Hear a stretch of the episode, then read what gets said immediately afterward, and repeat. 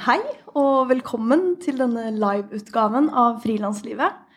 Vi sitter nå på coworking-stedet Spaces, og vi sitter her foran et publikum. Vil dere lage litt lyd? Det er veldig sånn fin pensjonsengasjert uh, ung frilansgjeng. Uh, og målet med denne episoden er altså å bli litt klokere på pensjon.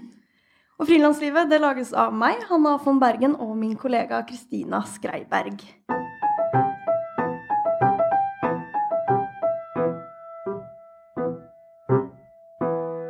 Denne episoden skal altså handle om pensjon. fordi som frilanser så er jeg litt nysgjerrig på hvordan pensjon fungerer for oss utenfor den faste ansettelsen.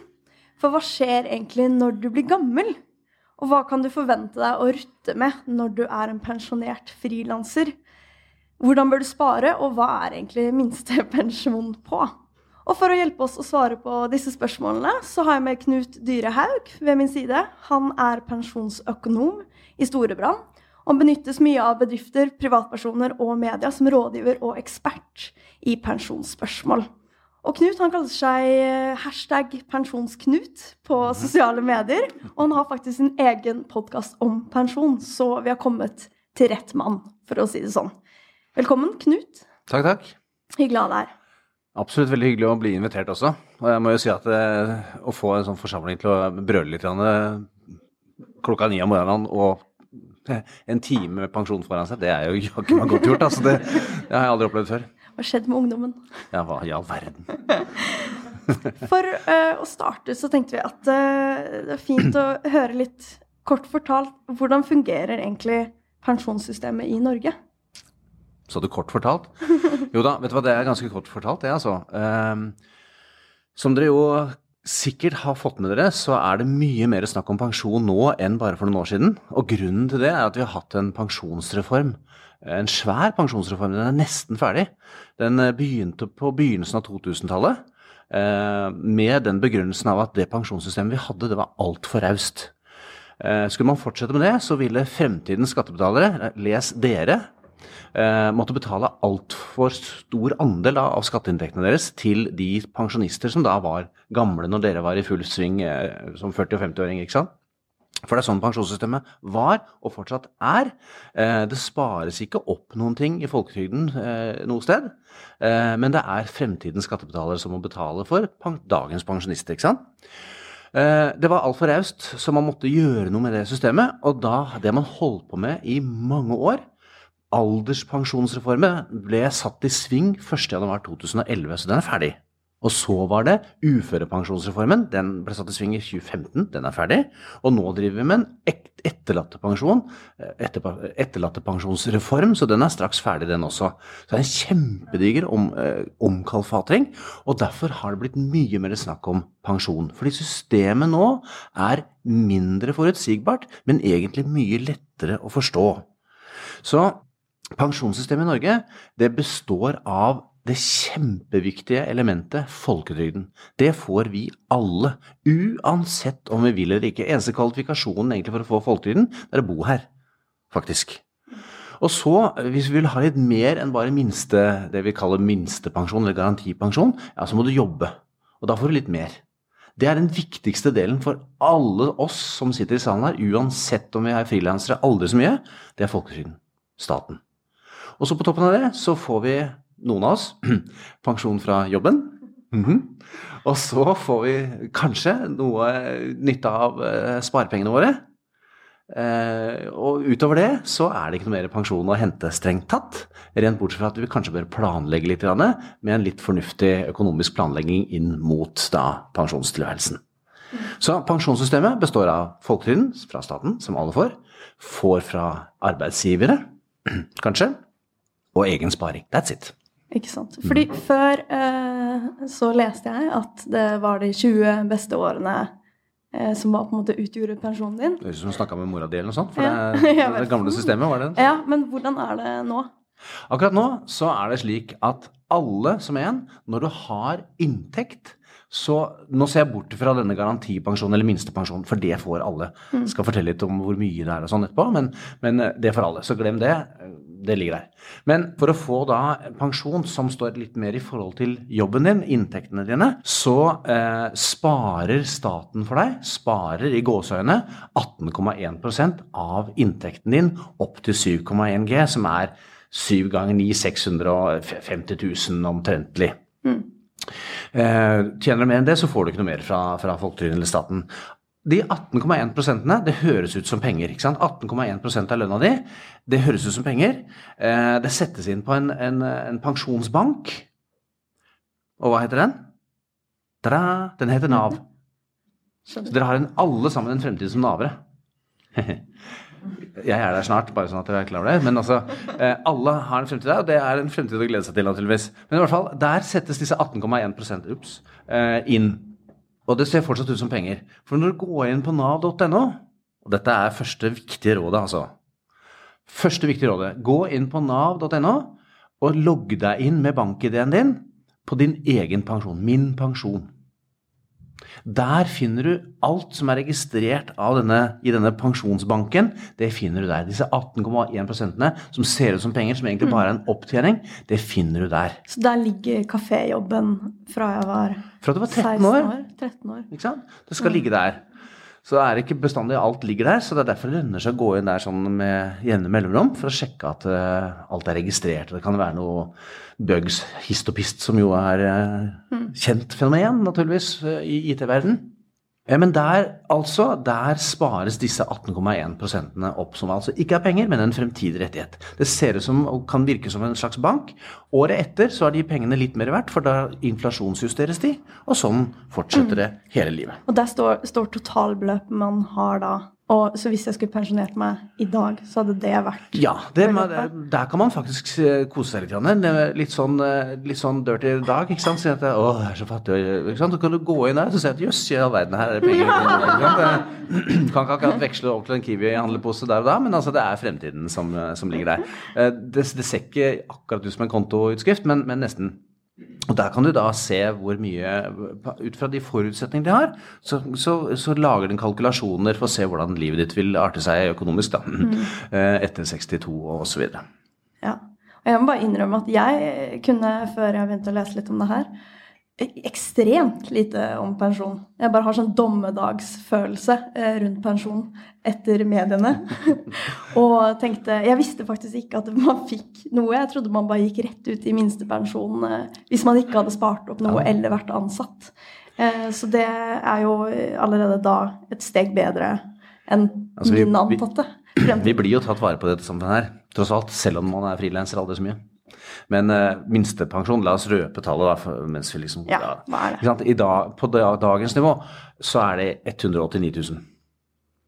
Ja. Mm. Og så får man eh, litt mer og litt mindre avhengig av om man er gift og ikke gift og alt det greiene der, men altså på det nivået der. Så det er ikke, det er ikke veldig raust, for så vidt, men, men, men, det er jo en, en minsteytelse som, som vi eh, er, er trygge og sikre på. Ja. Og så får du litt mer hvis du jobber da, men det skal vi komme inn på. Ikke sant. Mm. Ja, for hva er egentlig hovedforskjellen på det å være fast ansatt og ikke? Altså det å frilanse ja. med tanke på pensjon. Og det er jo litt forskjellige modeller for frilansing. Noen har et aksjeselskap, noen uh, har et enkeltmannsforetak. Noen jobber på, altså som ansatt, men prosjekter. Så da mm. kanskje man ikke nødvendigvis får pensjon. Altså, Bare for å si det sånn, dette er dagens disclaimer. Dette er jo en jungel.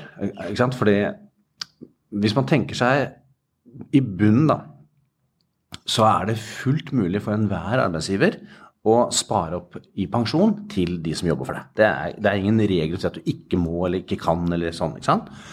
Men, men så er det noen sånne minsteregler for når du faktisk er pålagt å gjøre ting. Og mellom, altså der, mellom de to rammene da, så, så, er det ganske mye gråsoner, strengt tatt. Så da skal jeg holde meg litt sånn til loven etter hvert. da. Mm. Men, men, eh, bare for å gjenta, så må du huske på at Folketrygden, den, den, pensjonen som vi får fra staten, den er det samme reglene uansett hvordan du jobber. Når du har en inntekt, uansett hvordan du har kommet frem til den inntekten, mm. og den selvangivelse og hele pakka der, så er vi like. Derfra og videre er vi like. Så arbeidsinntekten din, som du da til syvende og sist har skrapet sammen i løpet av et år, og som du finner igjen på selvangivelsen din, den sparer opp pensjon. Uansett om pengene har kommet som frilanser, eh, selvstendig næringsdrivende, arbeidstaker i storbrann eller hvor som helst. sant? Det er helt likt. Bare sånn at det er sagt. Så forskjellen, som du spør om, det er hvordan får du noe mer? Altså hvordan får du noe utover selve folketrygden? Og der er reglene litt, grann, som jeg sa, litt mer sånn eh, uklare. Det er masse grensedragninger. Men for det første, hvis du er ansatt helt ordinært et eller annet sted, så er bedrifter pålagt å spare til pensjon til deg. Og det heter lov om obligatorisk tjenestepensjon, OTP. Det er et sånt uttrykk. Og det er rett og slett bare en, et minstekrav en næringsdrivende, eller en arbeidsgiver, har plikt til å spare til sine ansatte. Mm. Det er ikke et produkt eller noe, det er bare et minstemål. Så det må man ha når du har ansatt. Men så er spørsmålet hvem, når er man pliktig da, til å gi dette her videre? Og la oss begynne med de som er helt eh, for seg selv her i verden. Eh, Selvstendig næringsdrivende. De må ingenting i denne sakens anledning. De kan derimot gjøre noe. Selvstendig næringsdrivende er det som kalles, eller frilanser som det står i loven, da, som er likestilt her. Eh, ikke sant? Det er typisk da én person som dingler rundt og gjør sine saker. Og da har man anledning til å etablere en tjenestepensjon, akkurat sånn som store bedrifter har. Eh, og det er en begrensningsregel for den. Eh, Du kan spare opp til 7% Det er forslaget nå i statsbudsjettet. kom et nytt forslag nå. Det er gjeldende lov er 6% av arbeidsinntektsgrunnlaget ditt. Da. Og det er den beste måten å spare til pensjon på gjennom bedriften din, med visse forutsetninger. Eh, Det blir da trukket fra som enhver annen driftsutgift. Enten du har en reisekostnad eller en ny dings som du må kjøpe og som du får trukket fra fra regnskapet ditt, eller denne pensjonsutgiften.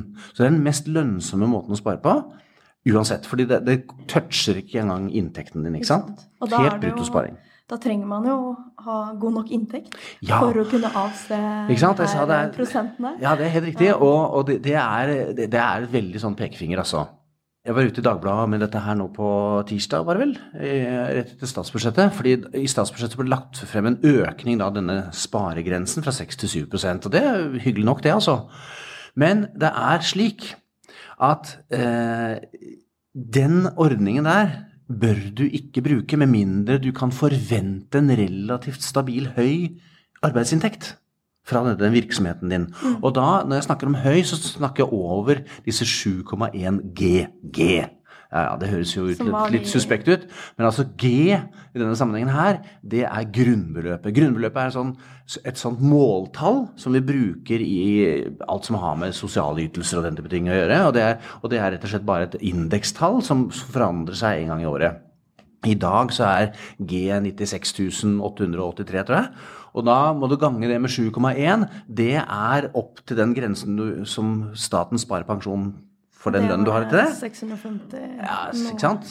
Noe sånt. Og så, det er det nivået der du må forvente som arbeidsinntekt. Minimum. For at det skal lønne seg å bruke den ordningen der. Hva, hvilken ordning? Den, den ordningen hvor du kan altså etablere en tjenestepensjon for ditt selvstendig næringsdrivendes foretak.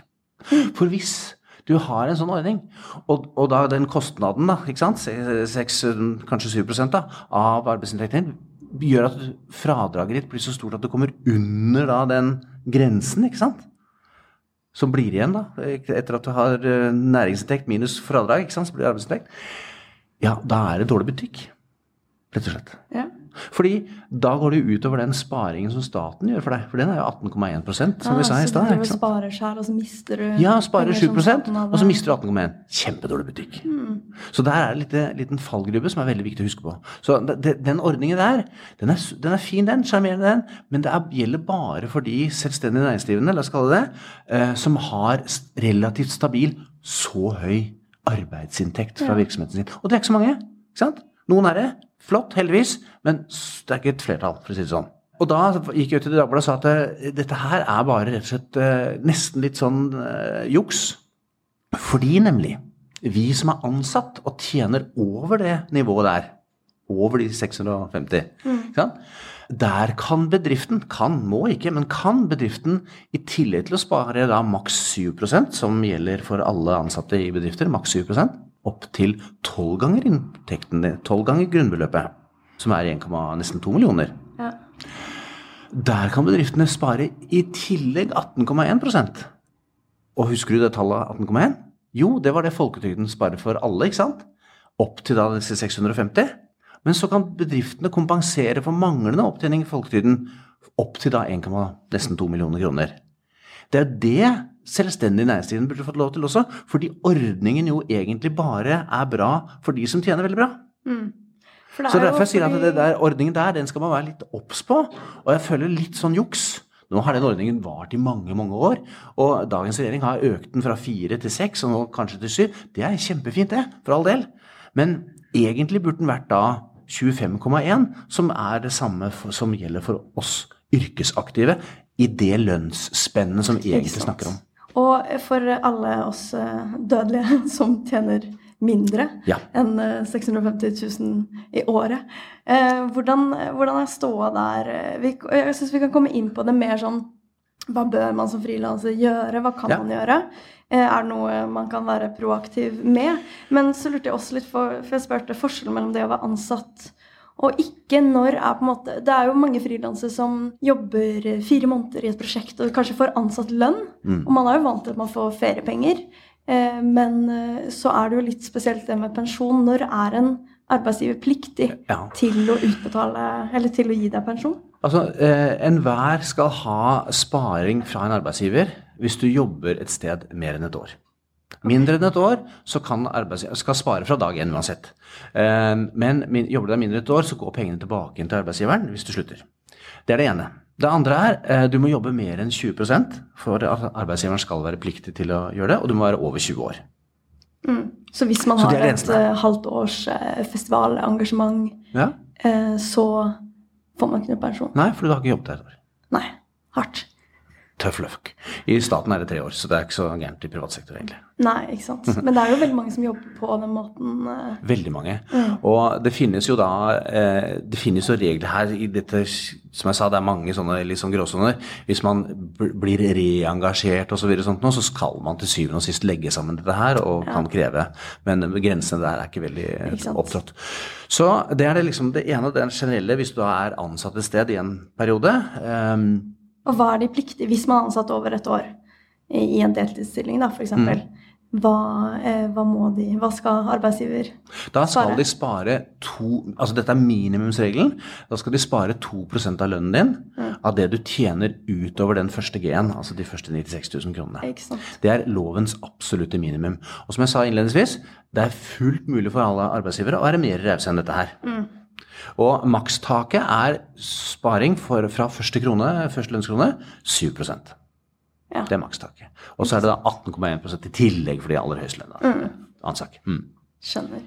Og er det, opp, er det oppå lønna di, eller er det en del av Trekkes det fra lønna di, eller Nei, det, det altså I utgangspunktet så skal det ikke trekkes fra lønnet, det kommer i tillegg. Ja. Og, så kan, og så finnes det bedrifter da, dette er vanlig i offentlig sektor? Så, trekk, så har du et pensjonstilskudd, det er veldig vanlig i offentlig sektor, veldig uvanlig i privat sektor egentlig.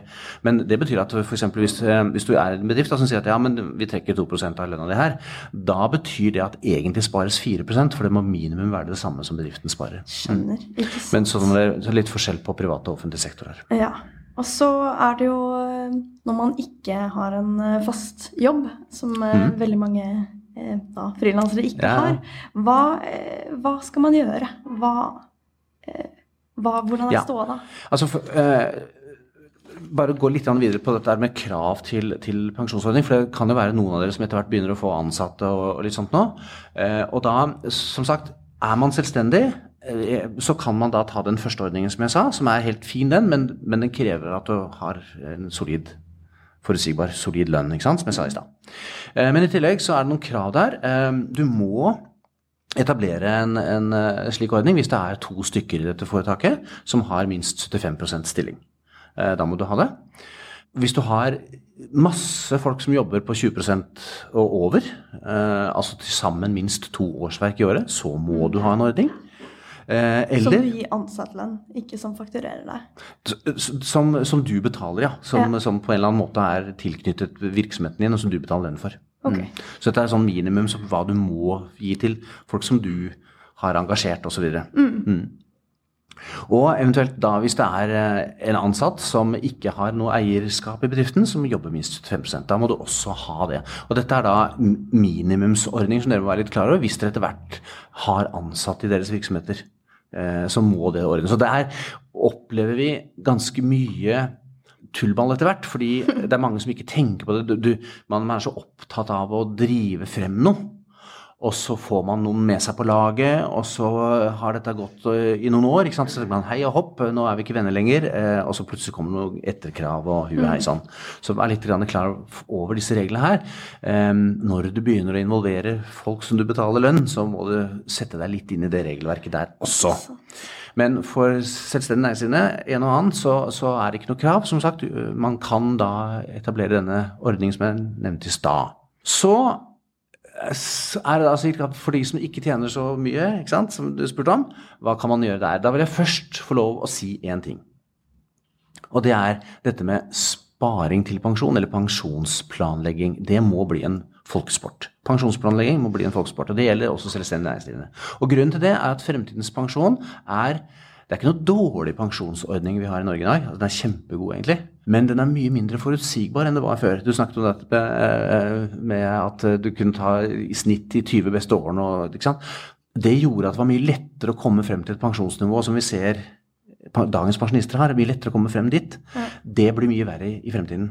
Man må, få, man må si, være litt mer bevisst på hvordan man jobber, hvor mye man jobber. Deltidsfella så har man snakket mye om i media. ikke sant?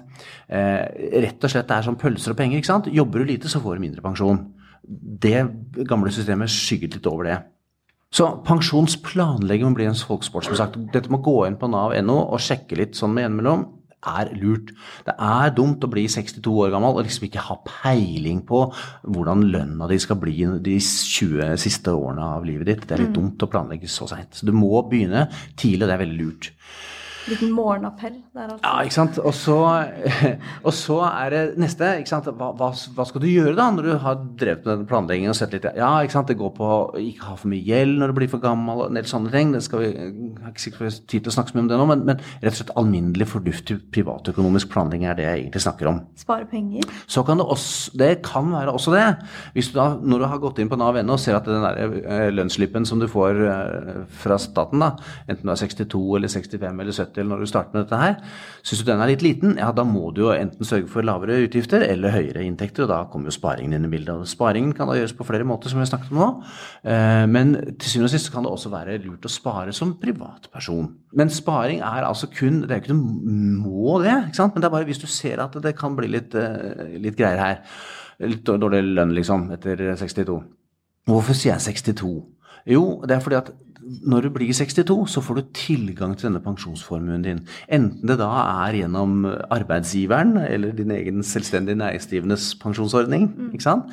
eller folketrygden, så, så er Du får liksom utlevert nøkkelen til den pengesekken. da. Det får du når du er 62 år. Og 62 år, det er da veldig lavt, egentlig. ikke sant? Når man snakker om at pensjonsreformen skulle jo gjøre at folk jobber lenger, og det er viktig å få, holde folk i arbeid.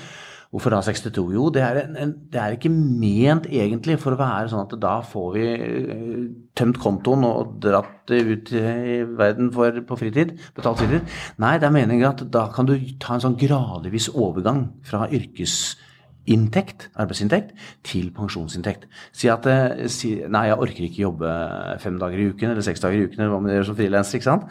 Eh, jeg, må, jeg, må trappe litt ned, da, jeg har helsemessige årsaker hva som helst. Så kan du ta ut 20 av pensjonen din. Og så kan du ta resten på lønn, ikke sant. Trappe litt ned. Det er tanken. Det er for å holde folk lenger i arbeid. Det å tenke, for mange av dere som er så unge som dere er, tenker liksom at å, det er 62 års pensjonsalder i Norge. Helt feil. Det er det virkelig ikke. Og kan man nevne eh, fagforeningen Unio, etter at de var ferdig med eh, forhandlingene om offentlig tjenestepensjon, så sa de at det å fortsatt kjempe for god pensjon fra 62 år, er å kjempe for eh, pensjonistfattigdom i Norge. Så 62, det gjelder for oss gamlinger nå.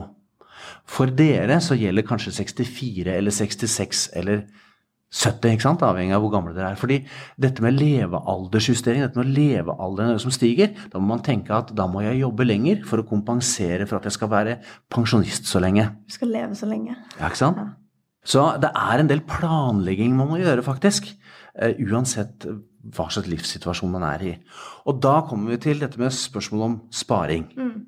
Og spa jeg syns jo det at mange unge mennesker de skal ikke gå rundt og tenke for mye på pensjon. Og da mener jeg alder opp til BSU-alderen, 34 liksom. Da skal man tenke på hyggelige ting. Jeg syns jo pensjon er veldig hyggelig, men man, man kan, jeg kan innse at det finnes hyggelige ting i det. Det kan være eh, mann, kone, barn, eh, husetablering, eh, firmaetablering, altså sånne ting. Det er kjempefint at selv de som er under 34, som er her i dag, kommer. For det går med dette med å holde seg orientert. Lage en plan, være litt på når det gjelder dette her. Fordi det er slik at har man råd, har man anledning til å sette av noen penger til langsiktig sparing, hvorav da pensjonen kan være en del av det, er jo kjempelurt. For setter du disse pengene inn i fond, og da snakker jeg bare fond, altså du må ikke tenke bank engang, det er noe helt annet. ikke sant? Det er kortsiktige penger til a rainy day eller et nytt kjøleskap eller kanskje til nød en, en bil om tre år. Men alt utover det, da må du inn i fond. Og der er det slik, renters renteeffekten, ikke sant, det vet du det, den stiger jo kraftig, ikke sant, Eksponentiell, som man kaller, så tiden hjelper. Så setter du inn noen få hundrelapper i måneden i dag, som du har tenkt å ha der langt der fremme, da kommer du kjempelangt. Venter du til det er i slutten av 50-årene, så må du jo spa opp en drøss med penger. Klarer sannsynligvis ikke spa opp så mye penger engang på vanlige lønnsinntekter for å komme like langt som man hadde begynt når man var 20 og 30. Så jeg sier ikke at du ikke, ikke må. Altså, du kan godt gjøre det, men ikke tenk så altfor mye på det. Konsentrer deg om andre ting. Men når du blir 34, altså når BSU er ferdig, da Hvis ikke du har gjort det da, skal jeg sjekke PC-en din, altså. Finne et eller annet nettroll. Da må du ha vært inne på Nav og gjort dine første kalkulasjoner. En eller annen gang i slutten av 30-årene så må du begynne med en aktiv planlegging inn mot pensjonsalder. Det går på hvordan skal jeg få gjelda mi sånn noenlunde ned. Noen behøver ikke være gjeldfri, men den må kunne finansieres av den pensjonsinntekten du får. Kanskje du må begynne å spare litt. Begynn da i det små. Senest. Er du, er du, bikker du 40 og ikke har gjort det da, ja, da kommer Storbrann hele gjengen og rister deg litt, altså. For det er så viktig. Fordi man sier ja, men pensjonen blir litt liten for dere unge ikke sant, pga. levealdersjusteringen. Ja, jobb litt lenger, da. Det er greit. ikke sant? Det, det er standardsvaret fra enhver politiker. Det kan jeg si òg. Jobb litt lenger. Akkurat når jeg ble 62, så klappa jeg sammen i en butikk. Og 20 minutter etterpå så våkna jeg opp i en ambulanse. Jeg var veldig nær ved å dø. Det er ikke sikkert det er så greit å jobbe noen år lenger.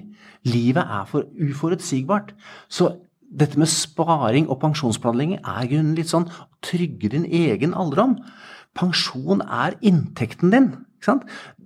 Lønnsforhandlingene som pensjonist kan du ikke gjøre når du er pensjonist. Du må faktisk gjøre det nå, med deg sjæl nesten, eller arbeidsgiveren din. Så det er liksom litt sånn livsperspektiv på dette her. Du må ikke når du er så ung, men det er veldig lurt å begynne å tenke litt sånn langsiktig. Og så når du begynner sånn på slutten av BSU-alderen, så må du. Ja? Det er ikke sikkert at du må spare, for det kan hende at de tallene du ser fra folketrygdkalkulatoren, Nav-kalkulatoren, er bra nok for deg. Det er helt fint, men tenk litt da på hvordan du innretter økonomien din og sånt nå. Så det var liksom pekefinger nummer to. Så er spørsmålet hvordan skal du spare? da? Jeg sa fond, det må du bare. Altså Langsiktig sparing annet enn i fond, bare glem det, det er bare tullball. Spare i alt som ligner bank, der blir jo pengene garantert mindre hvert år for år. Fordi det er alltid lave renter i forhold til inflasjon, det ligger i saks natur. Og så skal du betale skatt av dette her på toppen. Så, så, du må ha i dag så må du ha rundt 4% avkastning for at pengene skal bli mer verdt. Og det får du kun i fond. Ikke hvert år, sikkert, men det kommer og går litt. Men det er der du kan slå inflasjonen. Mm. Og for meg, da, som ikke eh, kan null prosent om fond, er det Hvordan går man fram? Er det å snakke med Altså, hvordan er- finner man det? Hva er altså- forskjellige ting å velge mellom? Ja, ikke sant? Og der stopper saken for veldig mange. Syns at dette er så vanskelig, og det er sikkert noen sånne luringer nede i Vika som eh, skal ta pengene mine. Altså, sånn er det ikke. De fleste har en eller annen bank ikke sant, som de bruker i det daglige. Eh, Snakk med de. Eller behøver ikke snakke med dem engang. Altså Gå inn på nettsiden, og så, og så gjør du det aller aller enkleste. Bare kjøper en eller annen pensjonssparing. Trykk på den knappen. Så har de noen ferdig standardgreier bak sånn, der. For det er pensjonssparing. Ja, det finnes i massevis av former, men ikke sant? Begynn, begynn i den kanalen der, i banken din, og så gjør det. Og mitt råd er jo da at det skal være, for gjennomsnittet av de som sitter her, så skal det være 100% i aksjefond. For det er så innmari lang tid til dere skal bru- bruke disse pengene her. Da snakker vi langsiktig sparing. sant? Den delen av det lille overskuddet som dere har hver måned, kanskje hundrelapp, kanskje to, kanskje tre, ikke sant? sett det inn i et aksjefond. Langsiktig sparing. Fordi det blir så utrolig svære summer av det, skjønner du. Når du kommer langt Ja, der for fremme. det er jeg litt nysgjerrig på, det her med eh, Tenkte vi kunne snakke om litt det sånn, som et eksempel eh, hvis du har en fast ansatt da, eh, som tjener 4000 kroner i året. Spørs jo litt da om de har jobba helt siden de var 13 år, Mm. eh, til 67, så blir det litt annerledes. Men kan man prøve å se litt på hva Hvor stor forskjell er det egentlig å være en fast ansatt eh, og en frilanser med lik Ja. med lik inntekt, og hvor Mm, mye mm, det. har det å si å faktisk eh, gjøre den sparinga? Skal vi ta noen tall? Ja, kan vi prøve å konkretisere litt? Eh, Ja, Ja. det kan vi. 400 000 er det spørsmålet ditt. Og 400 000 kroner er da det jeg definerer som et nivå. Ikke sant? Eh, nå vil jo alt dette her bli- inflasjonsjustert på et eller annet vis, men da holder vi oss til dagens kroneverdi, ikke sant? Og så måler i forhold til det, for da blir det lettere å forholde seg til det. Og som sagt, eh, minstepensjonen som alle, alle kan forvente seg, uansett om du bare er, bor i landet her, det, det, er, eh, det kalles minstepensjon, men det kalles formelt garantipensjon, det er 189 000. Det er for en enslig. Hvis du er ektepar, så får du litt mindre, for da ganges det med to. Ja, men litt mindre per pers. 189. Uh, Syns du det er eh, mye eller lite? ja det Lite, ja. lite. Ok, Det dekker vel husleia, kanskje? ja, men det er tross alt en viktig plattform. Det er et spleiselag ute og går. Det er noen fremtidige skattebetalere som skal betale 189 000 minimum til alle sammen som kvalifiserer for det, og det kvalifiserer du til min, minst ved 67 år. Så det er jo, det er jo penger, det òg. Men det er minstepensjon i dag. Dagens nivå. Så kan vi tenke oss da at du tjener disse 400 000, da skal du få mer. Og eh, la oss tenke oss at eh, en person da jobber i 45 år. Sant? 22 til 67, la oss si det. Ja. Ja, 45 år. Født i 1970. Da får vedkommende 223 000. Hvert år. Ja. Mm. Fra 67 og så lenge du lever. Starter du litt før, eh, for 67, så får du mindre. Starter du litt etter, så får du litt mer. Mm. Men det er 67. 223. Forskjellen mellom minstepensjon, 189, og det du da får ved å jobbe eh, hele livet, er ikke kjempemye. Nei, den er ikke det. Og ikke sant? lønnsforskjellene i Norge er jo kjempestore. Ikke sant? Fra nesten ikke noe til innmari mye. Ikke sant? Men folketrygden er en gedigen utjevningsdings. Ikke sant? Folketrygden er fra 189 minimum til hva da? Jo, hvis da denne personen hadde tjent 4 millioner da, istedenfor 400, hva hadde den fått i folketrygden da? 300 og rett over 300 000. Så folketrygden er ikke så et stort spenn, egentlig. Og folketrygden gir oss da den derre tryggheten, på en måte. Og så gir den mye mer for lavtlønnede enn for høytlønnede. Ikke sant? Altså, Det var et eksempel i avisen her nå for ikke så lenge siden, for nå driver de og diskuterer om det skal være pensjonsoppsparing fra første krone når du er ansatt og sånn. Og da var det dratt frem et eksempel på en som tjente 200 000 som deltidsansatt. Uh, og, og hadde litt sånn forskjellige rettigheter her og der. Jeg fant ut at hun hadde egentlig 140% av sin lønn som pensjon. Hun hadde langt over eh, inntekten sin som pensjon. Så jo lavere lønn du har, jo høyere pensjonsprosent for det. Ja. Det er den gedigne omstruktureringen eller omfordelingen da, som ligger i det pensjonssystemet. Så kan du si at ja, det er ikke noe høy pensjon allikevel, så det er for all del, men altså sånn er systemet. Så, som jeg sa, 400 000 i lønn, det er lønnsnivået gjennom livet. ikke sant? Cirka det, det ikke sant? pluss minus noen gang, men det er det som er gjennomsnittet som du spurte om. Født i 1970 223. Hvis du er født i 1980, så må du jobbe to år lenger enn 67 for å få det samme. Du må jobbe til 69. Er du født i 1990, må du jobbe to år til, Hæ? Hvorfor? til 71, for å få det samme. Jo, fordi at den da som er født i 1990, forventes jo å leve lenger, fire år lenger omtrent, enn den som er født i 1970. Ok. aldersjusteringen. Når stopper det? Aldri! Ikke sant? Fordi det man tenker at Hvis man lager et eller annet nullpunkt, da, kan man bare egentlig velge fritt her, men nå valgte vi da 400 000 ikke sant? og 1970-223 som et nullpunkt, bare som et eksempel. Da er det, da tenker staten at det nivået der, det skal du ha i 18-19 år. Men så lever du stadig lenger etter hvert som du blir født eh, senere og senere. Ja. Og da må du jobbe litt lenger for å få det samme fra folketrygden. Det er et slags sånn eh, spleiselag, dette her. Og hvis du vil ha mye lengre pensjon enn de generasjonene får deg, altså pensjonstilværelse, da må du være med å spleise på det selv. Da får du mindre utbetalt hvert år. Ikke sant. Ja, men det gir, er litt oppklarende. Hvis jeg har starta når jeg er 34 år og spare i et fond, er, da legges alt det oppå? Ja. Er, i, I privat sektor så er det ingenting som heter samordning. Det blir det ikke i fremtiden i, i eh, offentlig sektor heller. Men no, det, det, det har det aldri vært i privat sektor. Sånn at folketrygden får vi i privat sektor ubeskåret uansett. Det du får fra arbeidsgiver eller egen sparing, kommer alltid på toppen. Uansett. Så det er ingenting som går i beina på hverandre der. Og så spurte da forskjellen hvis, hvis, hvis da denne personen eh, eh, med lønn, snittlønn gjennom livet på 400 000 jobber et sted, Ja. hva får de da? Jo, eh, hvis eh, du har jobbet da et sted med absolutt lovens minimumssparing, ikke sant, 2 over første G og sånn, da vil du fått 10% mer i pensjon. Altså et par og 20 000 mer enn de 200 og ja? Cirka Cirka 10 mer. 2000 mer i måneden. Ja, noe sånt. Ja, ja, faktisk ganske riktig. Men hvis du har lovens maksimumssparing, da, du har jobbet et sted hvor det er en, en arbeidsgiver som er litt rausere, ikke 2% minimum, ikke men 7% som er maks, ehm, da får du 35% mer pensjon. Ca. Ja. 70 000 mer. 77 78 000 mer i året. Så, og det er en sånn sak som jeg også skriver om sånn fast jeg kan skrive om en gang i året, tror jeg, hvilken som helst avis. Det er at eh, når du skal ta deg jobb et sted Kanskje du skal ta deg jobb et sted en gang? Så, eh, og Hvis du da har anledning til å velge mellom to arbeidsgivere, så tenk litt også på, på hvilken pensjonsordning de tilbyr. For det er faktisk ganske stor forskjell på lovens minimum og det som er litt mer raus ordning.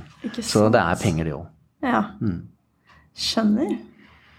Jeg, ja, jeg syns det er egentlig veldig oppklarende. Er det, mange, er det mange som velger å gi mer enn det man er pliktig til? Ja da. Altså, det er, eh, det er i underkant av halvparten av ansatte i privat sektor som har lovens minimum. Mm. Og så fordeler det seg oppover. Gjennomsnittet av ansatte i privat sektor i Norge har eh, en arbeidsgiver som sparer 4,5% for dem Ja. av lønnen til Så pensjon. hvis man som frilanser ikke er fast ansatt og får en arbeidsgiver til å spare, så bør man, hvis man vil ligge på samme nivå mm. når man blir gammel og grå, så er det da rundt det Ja, man bør det- spare ja. i et fond av lønna si. Absolutt. Og mm. tilbake til litt sånn sparing, så eh, fikk jo inn et spørsmål på forskudd her som dette som heter IPS. Det høres jo også ut som noen sånn kjemisk formel, men altså det er et, et, et lovdings som heter individuell pensjonssparing, som er en skattefavorisert spareordning som gjelder alle mennesker. Det er noe staten har satt i gang fordi at, eh, som jeg sa i stad, eh, fremtidens alderspensjon fra staten blir litt mindre forutsigbar enn den var. Så vil man da eh, ha et insentiv da i befolkningen til at de bare setter av noen kroner til sin fremtidige pensjon for å lage litt olje på det litt sånn mer uryddige farvannet som pensjon er i dag. Og eh, det er et eksempel på pensjonssparing. Det, det, er, det er fond, det òg. Absolutt samme type fond som all annen fondssparing, men da, da pakker du det inn i en, en, en pakke som har noen skattegreier ved seg. Og det er egentlig kjempelønnsomt hvis man gjør det. Altså Hvis du har akkurat det samme fondet utenfor og innenfor IPS, så er IPS mye mer lønnsomt pga. disse skatteinsentivene som staten har gitt deg. Ulempen med det er at pengene er bundet. Du kan ikke ta dem ut igjen før du er 62 år, og der, deretter så må det være utbetalt i lang tid, minimum 10 år, eller frem til 80 år. Ja. Så det er en egen, helt spesiell pensjonssparing. Og når en selvstendig næringsdrivende har holdt på noen år, og du ser at det, dette tasser og går, du har lyst til å gjøre det en stund, lønna di er ikke over disse 7,1 G, 650, 60, 650 000 kronene, da kan IPS være et alternativ for en selvstendig næringsdrivende. Hvis du vil tvinge deg selv til å spare til pensjon. Pengene er bundet, men det er veldig lønnsomt. Eh, Da, det er nesten like lønnsomt som om bedriften hadde spart penger for deg. Så det er et alternativ, et litt mer friere alternativ for en selvstendig næringsdrivende til å spare til pensjon. Dedikert sparing til pensjon. Hmm. Så i den grad dere vurderer det, så er det som sagt fordelaktig sånn økonomisk sett, men pengene er bundet, så du må på en måte være litt sånn inne i litt sånn forutsigbart smult farvann for å inngå en sånn avtale. Du kan bare bryte den igjen. og Det er ikke noe sånn at du må spare det samme hvert år. Sånn. Det, er ikke, det er ikke så farlig. Men som sagt, du får ikke ut pengene før du er gammel nok. Så det er en, et eksempel på en ordning som også selvstendig næringsdrivende kan ta i bruk eh, hvis man ikke har lyst til å ta den første ordningen, altså denne tjenestepensjonsordningen for ditt eget foretak, eh, som jo, som jeg sier, den krever en høy lønn, høy arbeidsinntekt. Eh, da kan du bruke den som et alternativ. Hvis ikke, vanlig fonds, fri fondssparing, helt ok. Mest mulig aksjer. Ok, skjønner. Hm, det er mye, mye forskjellige alternativer. Det er jo litt vanskelig. Eh, For meg så virker det som at det er digg at du ikke kan nå pengene. Ja. Fordi da Jeg vet ikke, jeg har jo en momskonto en skattekonto, men når det skikkelig er ille, så er det jo at man låner fra den og bruker litt, og så får man sette tilbake etter hvert. Er kanskje forhåpentligvis noen andre som har opplevd det, det samme. Det har vi alle. Ikke sant? Så da er det jo et spørsmål om man, om man sparer til pensjon. Så føles det veldig ut, vanskelig å la det ligge helt for seg selv. Ja da, og det, ikke sant? Og det, det, er jo det er jo fordelen med det, altså. Faktisk at de pengene der er utilgjengelige. Men, men til gjengjeld, man må tenke over det på forhånd. Eh, sånn at de, du har råd til å sette de av. Ja. Mm, Og det betyr at, eh, og igjen da, hvis du starter tidlig, så behøver det ikke være så mye du setter av hver måned, fordi renters rente, avkastningen, stiger jo så veldig kraftig. Ja, ikke sant. Og så har jeg et spørsmål som er Hvis man har vært litt ansatt litt her og der, hatt noe kaféjobb var yngre, jobba litt på engasjement Ja. eh, og hatt litt av ulike arbeidsgivere, eh, så hvor, hvor er de pengene, og er det liksom spredd for alle vinder, og hvordan skal man liksom samle de? Eh, hvordan går man frem? Godt spørsmål. Det, altså, det er jo en av altså, ulempene på en måte ved dagens system. Det er at eh, hver gang du jobber et sted, da, og et ordentlig sted, liksom, som har orden på sakene sine og gir pensjon til, til ansatte og sånn Eh, Nei da. Så, så, eh, og så slutter du der etter, etter å ha jobbet der minst tolv måneder, da, som jeg sa i stad. Eh, Så får du et Og det er også et fint ord, da. Vi bruker mange fine ord i finans. Pensjonskapitalbevis. Si det fort. Gjerne en sen fredag ettermiddag. Og det, men det er lovens navn, da, så får unnskylde oss litt. Men det, det, og det er rett og slett bare eh, det som er, er verdien av den pensjonsordningen du hadde på den, hos den arbeidsgiveren i det øyeblikket du slutta. Alle pengene som er betalt inn, det står der. For i det øyeblikket arbeidsgiveren betaler disse pengene til denne sparingen, så er det dine penger. Det forvaltes da bare av Storbrann f.eks., eh, men det er dine penger. Og når du slutter der, så får du det som du vil. Dette er det som Storbrann forvalter for deg. Og har jobbet eh, flere sånne steder, ikke sant, så har du en, to, tre sånne pensjonsbevis. Og eh, anbefaler absolutt at de slås sammen til ett. Det er full anledning til. Mm. Hvordan finner man ut av det? Ja, da, det, det finner ut av det egentlig på Nav-siden, det også, faktisk. Men det er litt lettere å gå inn på en annen side som heter Norsk Pensjon. Eh, Det er en sånn, sånn spleiselag som vi eh, pensjonsleverandører har. En sånn nettside hvor, hvor vi gir opplysninger, i hvert fall alle vi i privat sektor, da, gir opplysninger om all den type opptjening som du har gjennom forskjellige arbeidsgivere. Så det er det veldig lett å, å, å samle og bytte og fikse og trikse på dette her. Men du, du får oversikt over det på Nav.no også, men det er mer som et sånn samlet eh, beløp. Eh, tredje er, er hvis du har altså Hvis noen av dere har en arbeidsgiver som har en sånn pensjonsordning for dere, så, så vil du finne veldig mye informasjon der også. Eh, Men hvis dere ikke har det, altså dere er selvstendig næringsdrivende, da vil jeg på en måte prøve å tenke at jeg ville samla en del av dette her i den banken som, eh, som jeg bruker.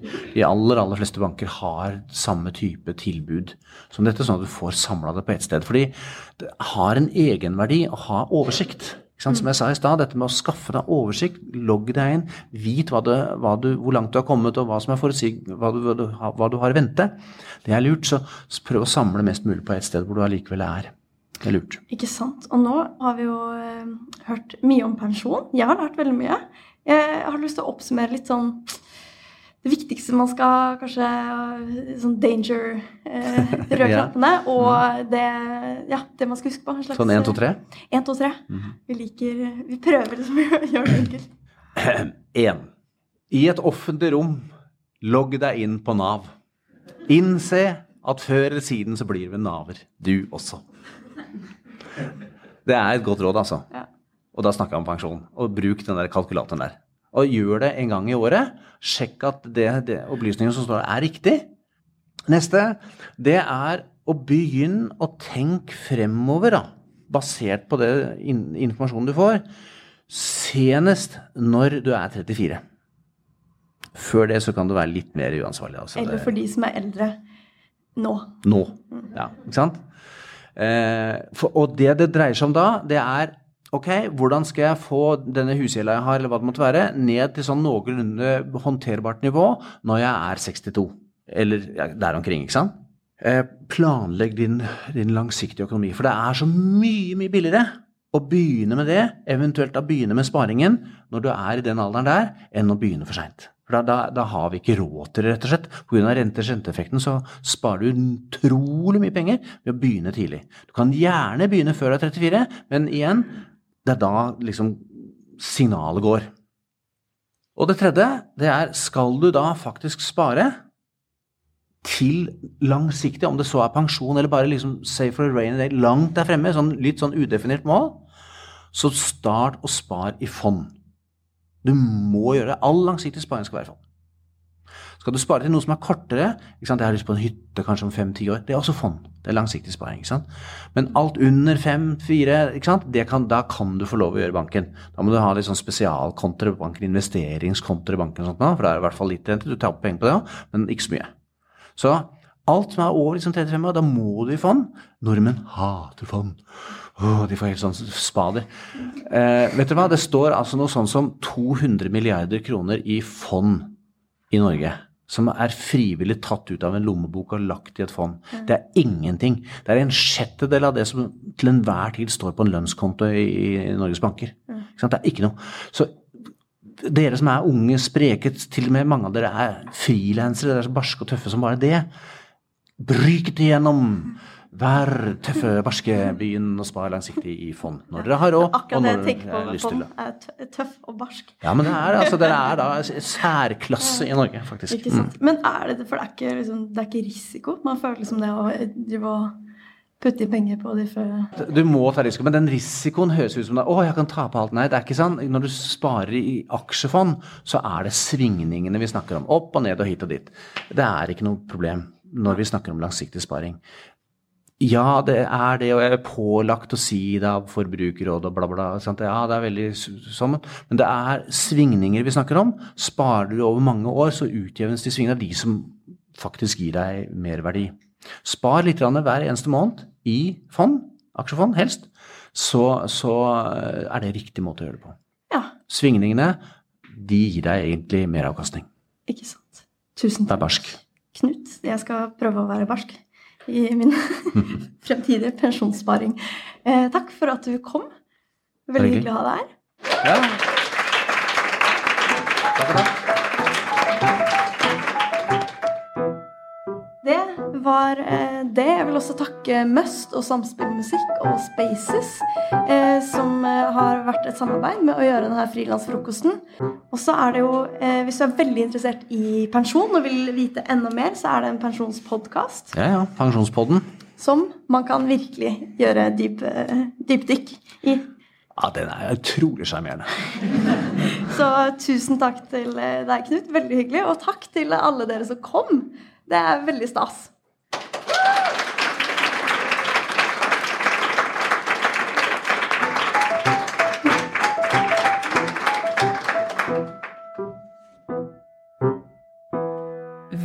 Podkasten Frilanslivet er med i Podkast-NM.